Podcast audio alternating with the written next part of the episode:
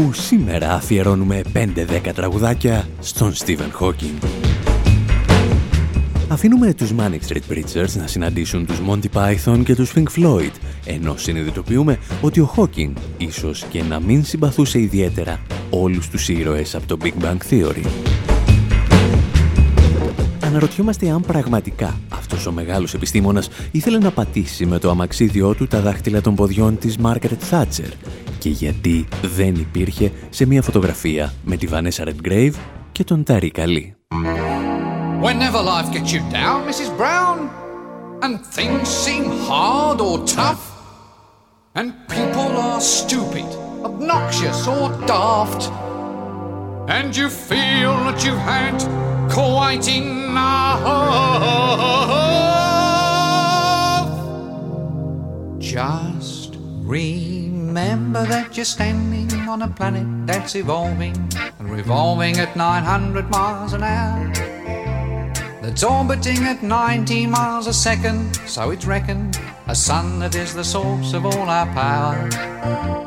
The sun and you and me and all the stars that we can see are moving at a million miles a day. In an outer spiral arm at 40,000 miles an hour the galaxy we call the Milky Way.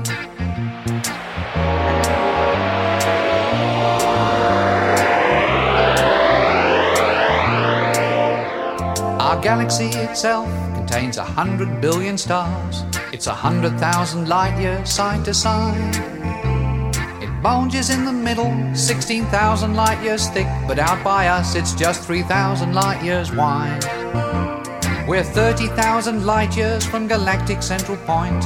We go round every 200 million years.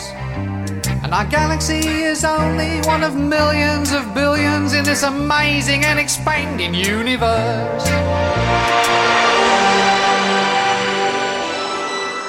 Οι Monty Python από το μακρινό 1983 παρουσιάζουν το τραγούδι τους Galaxy Song σε ένα από τα πιο φρικτά σκετσάκια της καριέρας τους.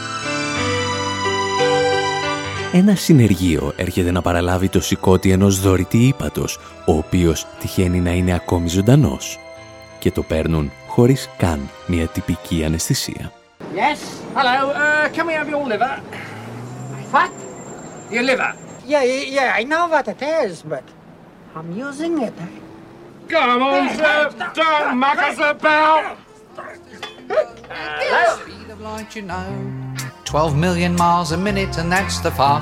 Και ύστερα, οι Monty Python παραβιάζουν μία προς μία τις αρχές που παρουσίασε ο Αριστοτέλης στον ορισμό της τραγωδίας, βάζοντας έναν κύριο που βγαίνει από ένα ντουλάπι να τραγουδάει το Galaxy Song. Πάει δηλαδή η μίμηση πράξεως και το μέγεθος ηχούσης για να μην συζητήσουμε περί ειδισμένου λόγου. Το Galaxy Song ήταν μια σχετικά αξιοπερπής καταγραφή κοσμολογικών δεδομένων, αν και οι Monty Python κατηγορήθηκαν ότι στρογγυλοποιούσαν τα δεδομένα ελαφρώς αυθαίρετα, όποτε δεν τους έβγαινε ομοιοκαταληξία στο στίχο. Έκτοτε όμως τα πράγματα άλλαξαν, γιατί από το μακρινό 1983 οι γνώσεις μας για το σύμπαν αυξήθηκαν γεωμετρικά.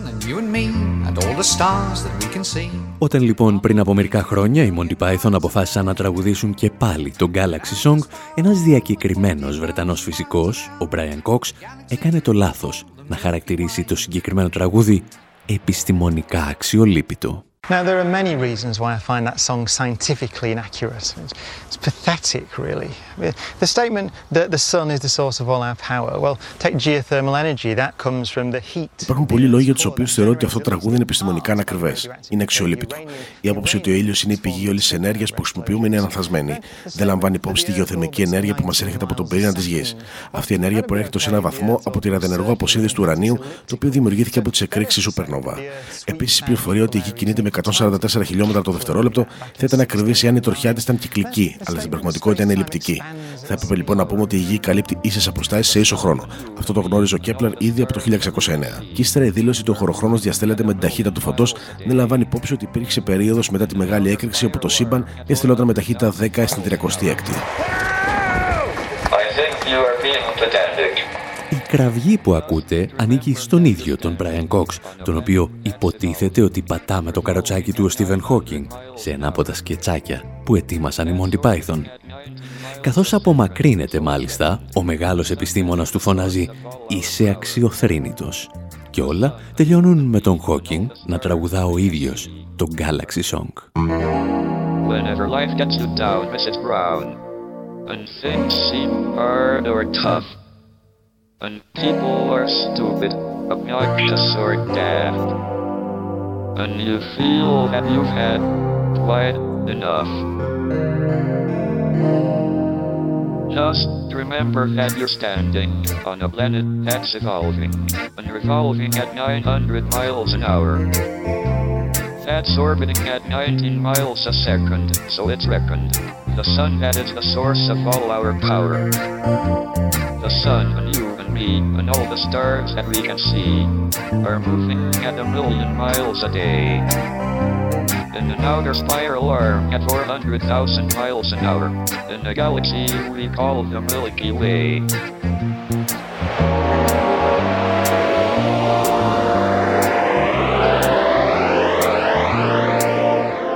Our galaxy itself contains 500 billion stars. It's a hundred thousand light years side to side. It bulges in the middle, 6,000 light years thick, but out by us it's just a thousand light years wide. We're 30,000 light years from galactic central point. We go round every 200 million years. And our galaxy is only one of millions of billions in this amazing and expanding universe.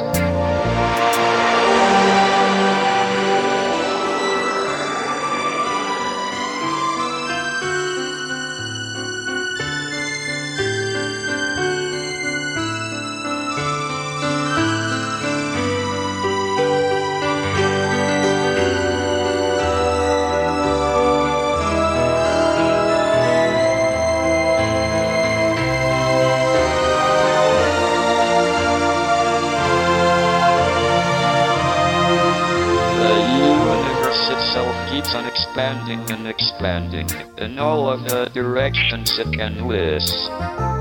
As fast as it can go, at the speed of light, you know. 12 million miles a minute, and that's the fastest speed there is. So remember when you're feeling very small and insecure, how amazingly unlikely is your birth. And pray that there's intelligent life somewhere out in space, cause there's bugger all down here on Earth. Ο Στίβεν Χόκινγκ λοιπόν δέχθηκε πριν από μερικά χρόνια να τραγουδήσει για λογαριασμό των Monty Python ένα τραγούδι, η στίχη του οποίου ήταν οριακά ακριβής το 1983 και ιδιαίτερα ανακριβής το 2018. Και αν μας ρωτήσετε, κάτι τέτοιες αποφάσεις είναι που τον έκαναν πραγματικά μεγάλο επιστήμονα. Ορισμένοι υποστήριξαν ότι ο Στίβεν Χόκινγκ κέρδισε δυσανάλογα μεγάλη δημοσιότητα σε σχέση με το επιστημονικό του έργο λόγω των προβλημάτων υγείας που αντιμετώπιζε. Και πριν προλάβετε να τους χαρακτηρίσετε όλους κακόψυχους, πιστεύουμε ότι πρέπει να θέσουμε τη συγκεκριμένη συζήτηση σε διαφορετική βάση. Γιατί πιστεύουμε ότι ένας μεγάλος επιστήμονας δεν μετριέται μόνο με επιστημονικές δημοσιεύσεις, αλλά και με το συνολικό αποτύπωμα που αφήνει στην ιστορία και το αποτύπωμα του Χόκινγκ ήταν τόσο μεγάλο όσο και η πατούσα από το πόδι των Monty Python στο Flying Circus. Πριν συζητήσουμε όμως για όλα αυτά, θέλουμε να περάσουμε στο επόμενο τραγουδάκι του σημερινού μουσικού αφιερώματος στον Stephen Hawking. Οι Manic Street Preachers τραγουδούσαν το εγώ και ο Stephen Hawking.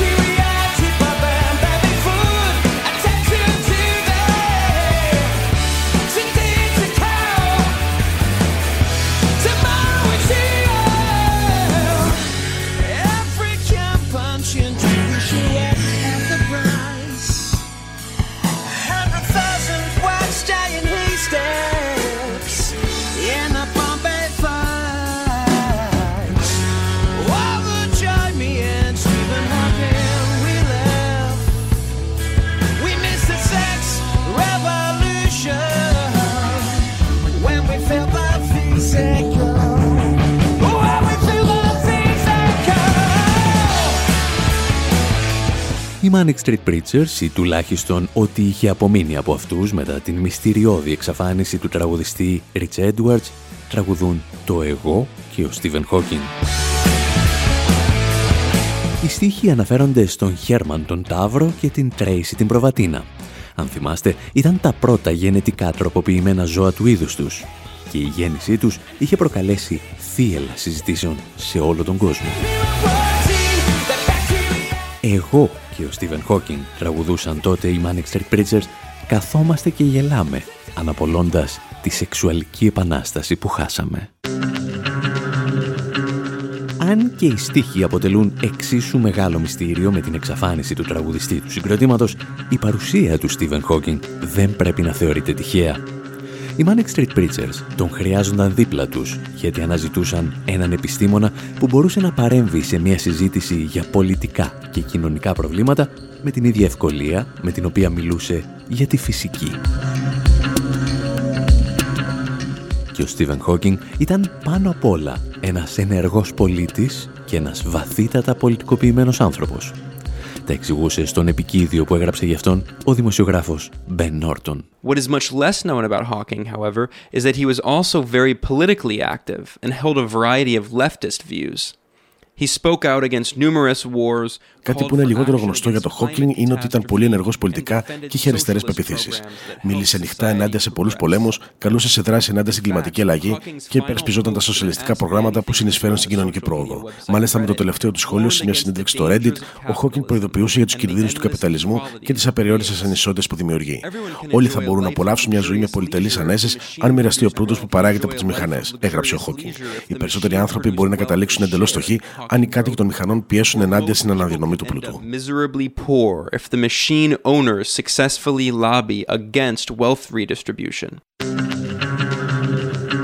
Η διαφορά του Χόκινγκ με τους λεγόμενους λουδίτες επικριτές του καπιταλισμού είναι ότι έβλεπε την τεχνολογία σαν ένα εργαλείο για την απελευθέρωση του ανθρώπου. Το πρόβλημα ήταν το σύστημα παραγωγής και διανομής του πλούτου που παρήγαγαν αυτά τα εργαλεία.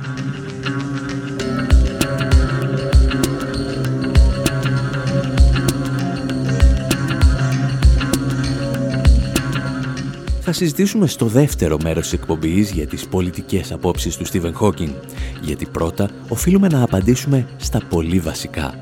Αν υπάρχει Θεός και αν ο Χόκινγκ πίστευε ότι υπάρχει Θεός. Και γι' αυτό απευθυνθήκαμε σε έναν Αμερικανό ράπερ, τον Grayton Square. This song is dedicated to all those people throughout human history who've lost their lives in the name of religion.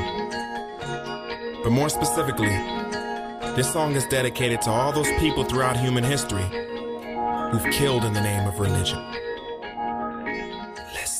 I'm dreaming of a world with no gods at all, no separation, nobody taking sides at all, no holocaust, no one indoctrinating our children, no religious fanatics flying planes into our buildings. Everybody playing in the game of life in which they can't lose instead of killing for an invisible man they can't prove.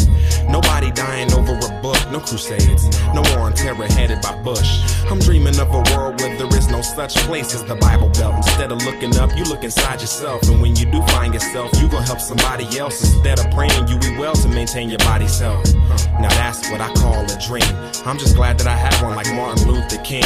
Maybe this religion ain't really all that it seems, but it happened. So until it ends, I'ma keep rapping. That's what I call a dream. My dream. Rational response, why? My dream.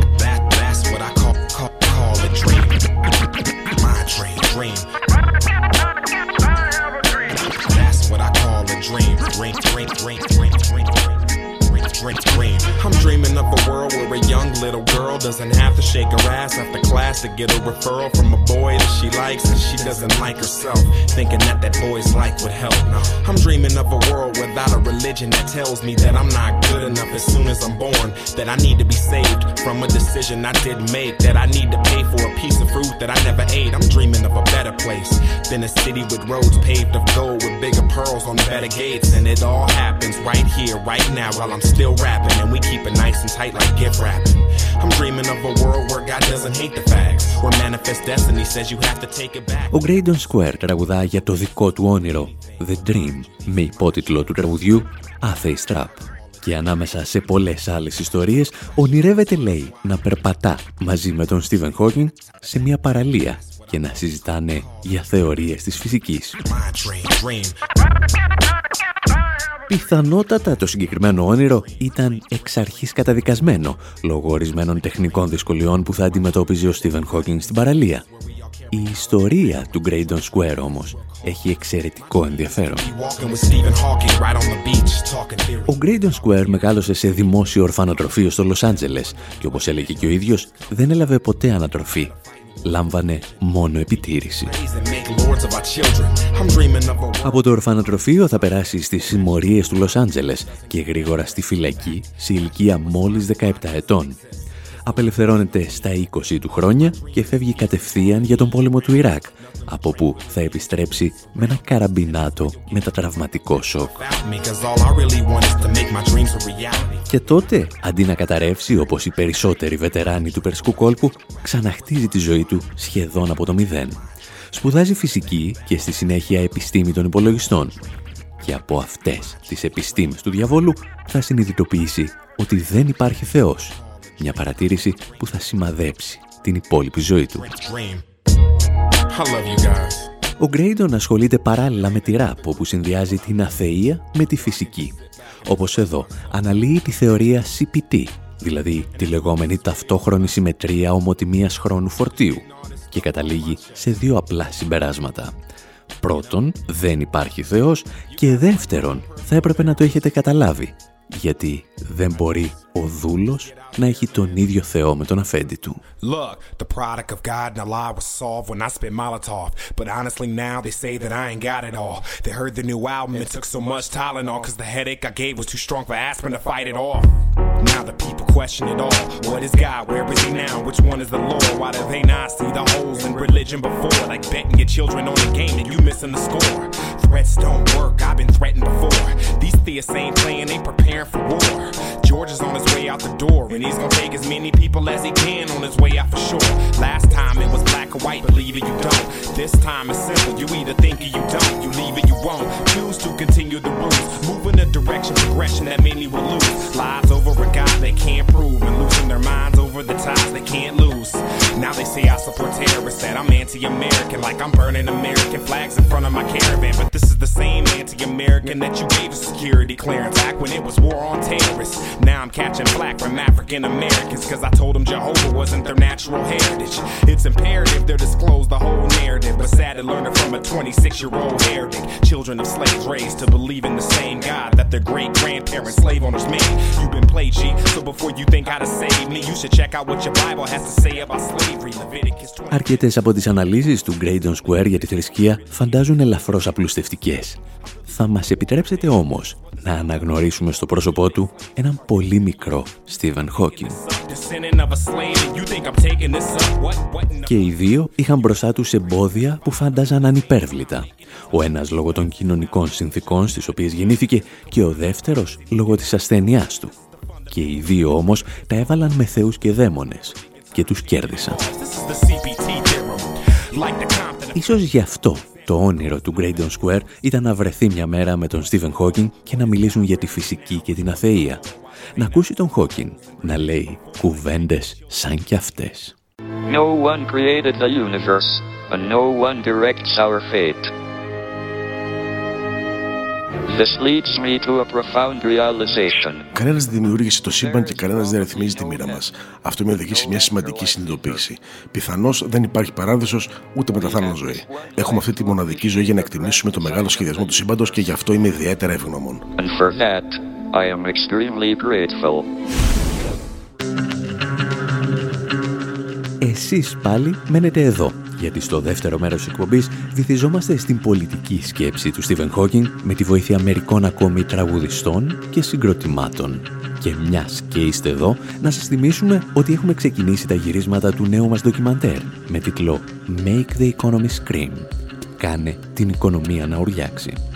Αν θέλετε να μάθετε περισσότερα ή να μας βοηθήσετε στην παραγωγή, θα βρείτε περισσότερες πληροφορίες στη διεύθυνση info.pavlawar.gr και στο maketheeconomyscream.com.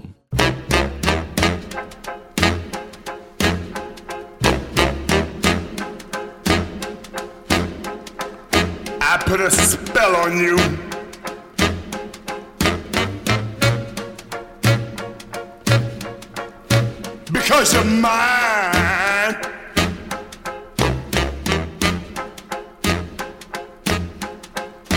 Stop the things you do.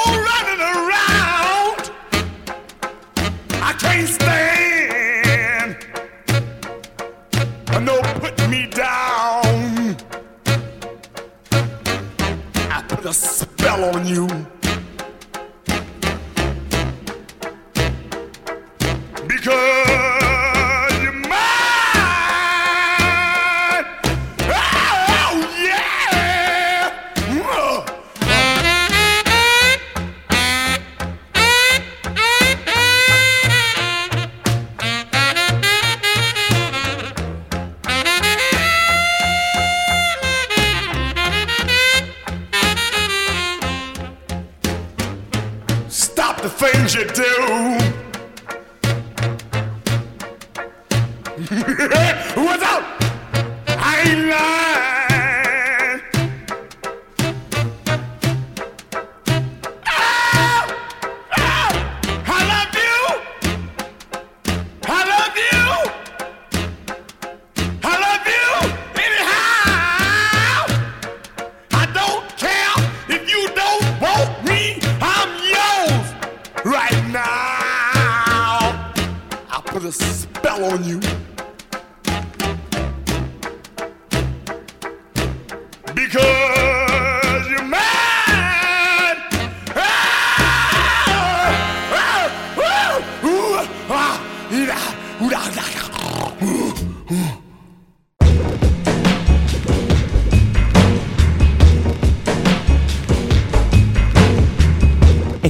Εκπομπή Infowar, μέρος δεύτερο. Όπου συνεχίζουμε το μουσικό μας ταξίδι στα σημαντικότερα τραγούδια που γράφτηκαν για τον Stephen Hawking.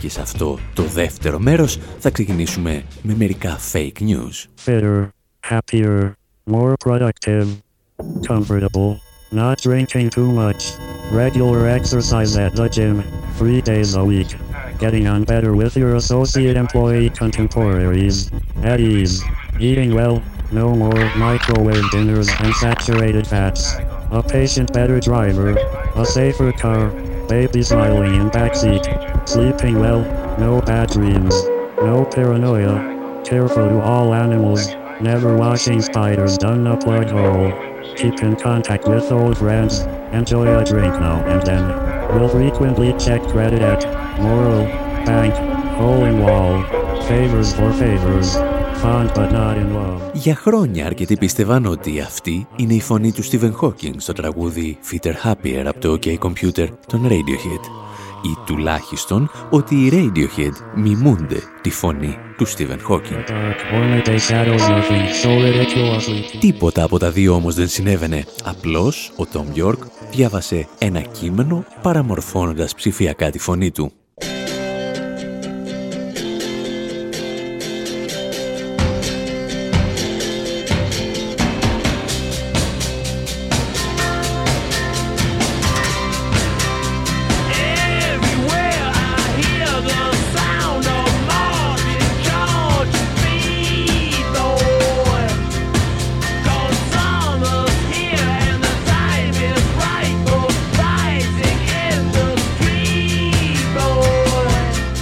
Αυτό δεν ήταν το μοναδικό fake news που κυκλοφορούσε στα μέσα κοινωνικής δικτύωσης και επανήλθε μόλις ανακοινώθηκε ο θάνατος του Stephen Hawking. Ίσως η μεγαλύτερη παρανόηση στην οποία προς στιγμήν πέσαμε και εμείς θύματα είναι ότι ο Hawking εμφανίζεται σε μια φωτογραφία με τον Τάρι Καλή και την Vanessa Redgrave από τις μεγάλες αντιπολεμικές διαδηλώσεις του 1968 στο Λονδίνο. Ο λόγος βέβαια για τον οποίο την πάτησαν τόσα μέσα ενημέρωσης είναι ότι η συγκεκριμένη φωτογραφία που υπάρχει στο Εθνικό Μουσείο Πορτρέτων του Λονδίνου συνοδεύεται από μια λεζάντα που υποστηρίζει ότι αυτός είναι ο μεγάλος επιστήμονας. Κάτι που διέψευσε με μήνυμά του στο Twitter ο Ταρικαλή. Ο δεύτερος και σημαντικότερος όμως λόγος για τον οποίο το αθώο αυτό fake news κυκλοφόρησε σε όλο τον κόσμο είναι ότι ο Στίβεν Χόκινγκ θα μπορούσε κάλλιστα να είναι σε οποιαδήποτε μεγάλη αντιπολεμική πορεία. Τα εξηγούσε πρόσφατα ο δημοσιογράφος Ben Norton σε ένα βίντεο που ετοίμασε για τον μεγάλο επιστήμονα στο ανεξάρτητο δίκτυο Real News. When the US and UK illegally invaded Iraq in 2003, Hawking condemned the war. At a peace demonstration in London in 2004, Όταν οι Ηνωμένες Πολιτείες και η Μεγάλη Βρετανία εισέβαλαν παράνομα στο Ιράκ το 2003, ο Χόκκιν καταδίκασε ξανά τον πόλεμο. Σε μια ειρηνική διαμαρτυρία στο Λονδίνο το 2004, χαρακτήρισε τον πόλεμο στο Ιράκ ως έγκλημα πολέμου που βασιζόταν σε ψέματα. Το 2013, ο Χόκκιν βγήκε και υποστήριξε το υποκοτάσιο Ισραήλ στο όνομα των δικαιωμάτων των Παλαιστινίων. Παρά τις μαζικές αντιδράσεις και τη λασπολογία που ακολούθησε, εκείνος υπερασπίστηκε τη δικαιοσύνη.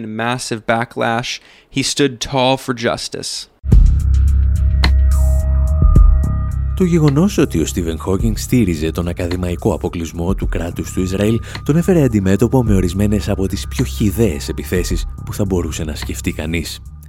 Τα μέσα κοινωνικής δικτύωσης στο Ισραήλ είχαν γεμίσει με μηνύματα μίσους που έλεγαν ότι αυτός ο Σακάτης δεν μπορεί να σκουπίσει ούτε τον κόλο του και πως η ασθένειά του έχει εκφυλίσει και το μυαλό του. Και οι αντιδράσεις δεν σταματούσαν εκεί. Η ομάδα Ισραηλινών δικηγόρων, Σουράτ Χαντίν, καλούσε τον Χόκινγκ να αφαιρέσει τον επεξεργαστή της εταιρείας Intel, χάρη στον οποίο κατάφερνε να επικοινωνεί με τον κόσμο. Ο συγκεκριμένος επεξεργαστής, έλεγαν, κατασκευάστηκε από ομάδα ερευνητών στο Ισραήλ και δεν μπορεί να τον χρησιμοποιεί κάποιος που ασκεί κριτική σε αυτό το κράτος. Γιατί, ως γνωστόν, εάν η κακία ήταν κοίτασμα, τα μεγαλύτερα αποθέματα θα βρίσκονταν στη θαλάσσια περιοχή μεταξύ του Ισραήλ και των συμμάχων του, στην Ελλάδα και την Κύπρο. Υποθέτουμε επίσης, χωρίς βέβαια να το γνωρίζουμε, ότι περίεργα συναισθήματα για τον Στίβεν Χόκινγκ πρέπει να είχε και η ηθοποιός Μαγίν Μπαϊλή, που παίζει την Dr. Amy Farrah Fowler στο Big Bang Theory.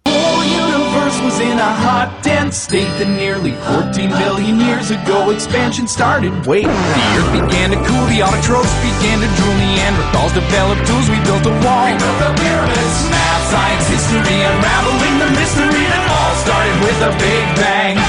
Since the dawn of man is really not Στην κανονική της ζωή, η Μαϊγίν Μπαϊλή είναι ορκισμένη εχθρός του Παλαιστινιακού λαού και το αποδεικνύει συχνά διαφημίζοντας τα χρηματικά ποσά που στέλνει ως δωρεά στις ένοπλες δυνάμεις του Ισραήλ. they all died. They closed their asses on the oceans. Παρ' όλα αυτά, όταν έγινε γνωστός ο θάνατος του Στίβεν Χόκινγκ, τον οποίο το Big Bang Theory είχε φιλοξενήσει αρκετές φορές, αυτή έστειλε ένα αποχαιρετιστήριο μήνυμα στο Twitter και εξηγούσε ότι τώρα ο μεγάλος επιστήμονας απελευθερώθηκε από τις επίγειες συνθήκες τις οποίες ζούμε όλοι και τώρα μας θαυμάζει, λέει, από ψηλά. We won't be here, it won't be Καλή και αξιέπαινη η προσπάθεια, αλλά είναι ό,τι χειρότερο θα μπορούσες να πεις σε έναν άνθρωπο που αφιέρωσε τη ζωή του στο να αποδείξει ότι σημασία έχει μόνο η επίγεια ζωή, γιατί δεν υπάρχει τίποτα άλλο μετά από αυτήν. Εμείς πάλι κάνουμε ένα μικρό διάλειμμα με τους Pink Floyd να χρησιμοποιούν ομιλίες του Stephen Hawking και επιστρέφουμε.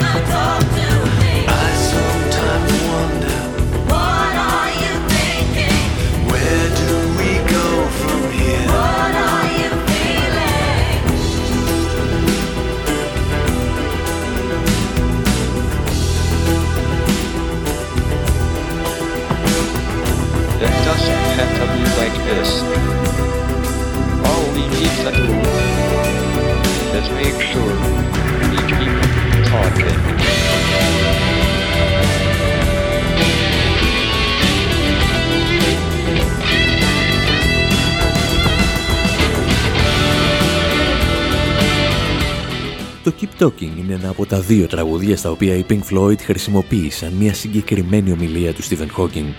Εκεί που εξηγούσε ότι οι άνθρωποι ξέφυγαν από τη ζωώδη κατάσταση όταν άρχισαν να μιλούν μεταξύ τους και πως το μέλλον τους ανήκει, αρκεί να συνεχίσουν να μιλάνε μεταξύ τους. Το οποίο βέβαια, όπως υποστήριζε και ο ίδιος, δεν είναι αναγκαστικά το πιθανότερο σενάριο. Γιατί αν αυτοί οι άνθρωποι αφήσουν να τους κυβερνούν άλλοι άνθρωποι, όπως ο Ντόναλτ Τραμπ, το τέλος του πλανήτη είναι μάλλον προδιαγεγραμμένο.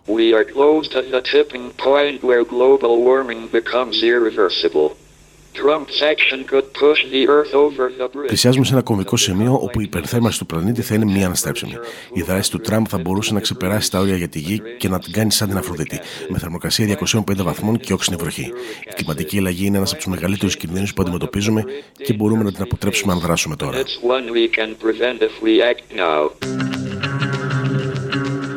Επειδή όμως εμείς έχουμε μείνει πίσω στα τραγούδια που αναφέρονται στον Steven Χόκινγκ, περνάμε αμέσως στους Bloodhound Gang.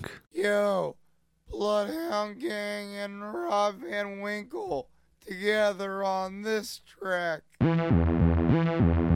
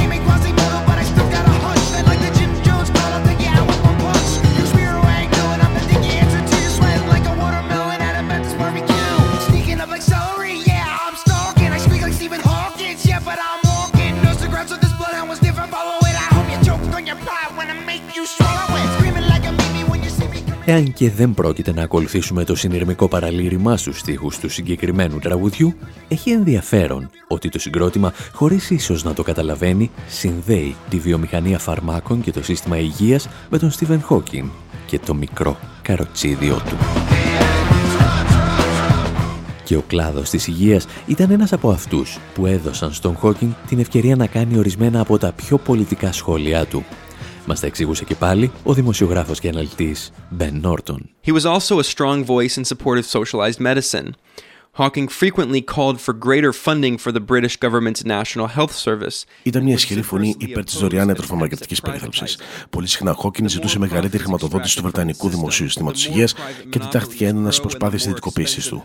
Όσο περισσότερο κέρδος βγαίνει από το σύστημα υγείας, τόσο θα αναπτύσσονται τα ιδιωτικά μονοπόλια και τόσο ακριβότερη θα γίνεται η περίθαλψη, εξηγούσε.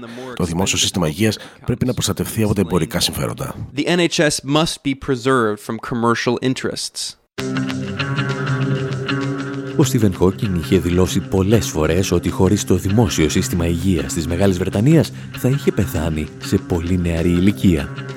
Ίσως γι' αυτό ορισμένοι πιστεύουν ακόμη και σήμερα ότι έλεγε κακές κουβέντες για την Μάργαρετ Θάτσερ, η οποία ήθελε να ιδιωτικοποιήσει τα πάντα στο πέρασμά της. Stephen Hawking faced unimaginable physical obstacles, but he always rode over them in his signature wheelchair. Ο Στίβεν Χόκκιν αντιμετώπισε αφάνταστα σωματικά εμπόδια, αλλά τα ξεπερνούσε πάντα με το χαρακτηριστικό μαξιδιό του. Μάλιστα, ο φυσικός μετάνιωνε που ποτέ δεν είχε την ευκαιρία να περάσει με το μαξιδιό του πάνω από τα δάχτυλα του ποδιού της δεξιάς πρωθυπουργού της Βρετανίας, Μάργαρετ Θάτσερ.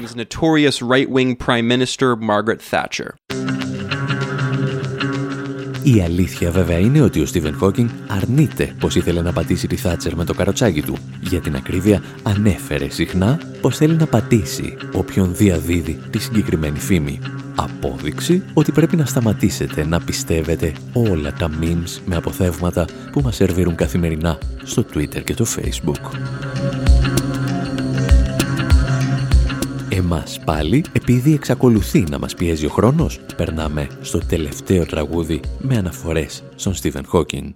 Here we go, gotta fight, gotta flow, gotta spaz, gotta blast, nigga, that's your ass. gotta fight, fight, we gotta spaz, blast, we gotta flow, yo, go, Defcon zero, fight, fight, we gotta spaz, blast, we gotta flow, yo, go, Defcon zero. Step into the land of the metronome man, click, click, click, bang, suicide again. Black army boots like Motley Crew, chew barley root. I'm attached to Charlie Troop. I'm the walking, talking Stephen Hawkins. DNA genes were auctioned for genius offspring. Bust a nigga G rap style. Back 'em down, gamma omega delta make mushroom clouds. On stage with masks and shrouds. We capture the crowd on festival grounds. 200 decibels. loud. Για έναν περίεργο μάλλον λόγο, η αμερικανική ραπ σκηνή είναι αυτή που περιέχει τις περισσότερες αναφορές στο έργο του μεγάλου επιστήμονα.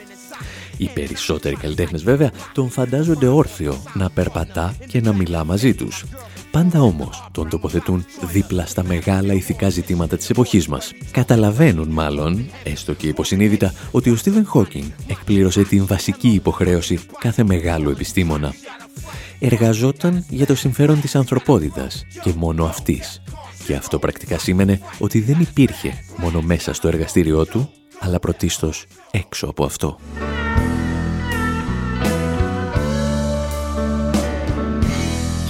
Has allowed the communication of ideas, enabling human beings to work together to build the impossible.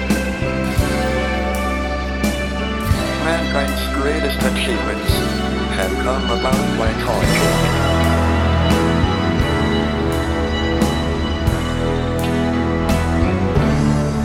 Our greatest hopes will become reality in the future. With the technology at our disposal, the possibilities are unbounded.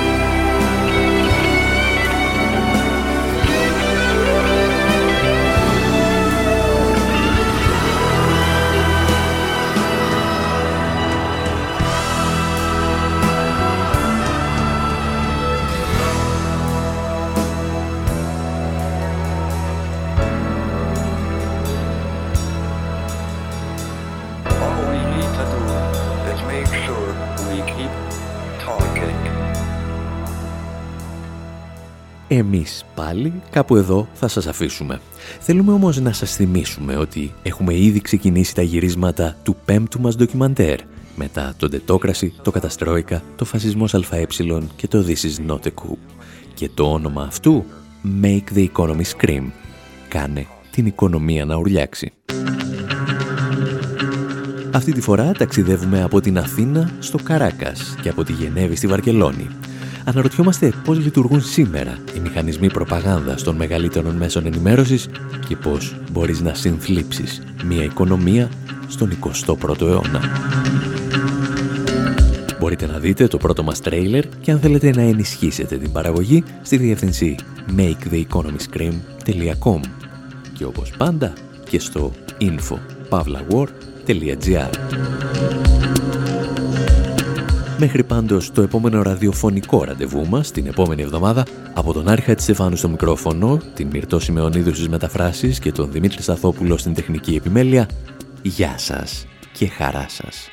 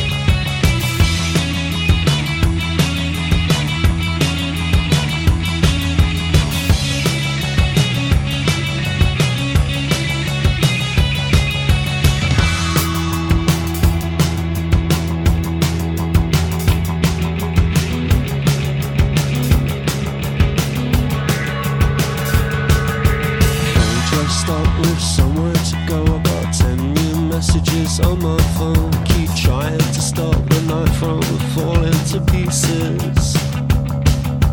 And it goes on and on and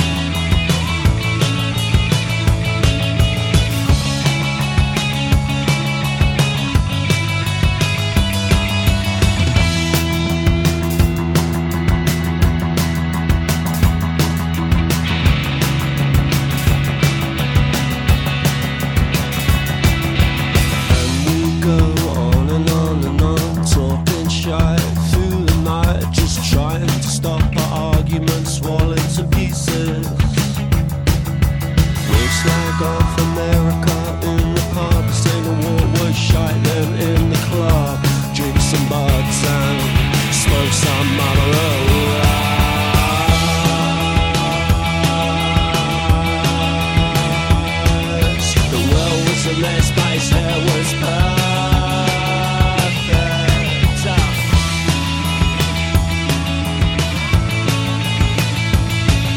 The world was a mess, space hair.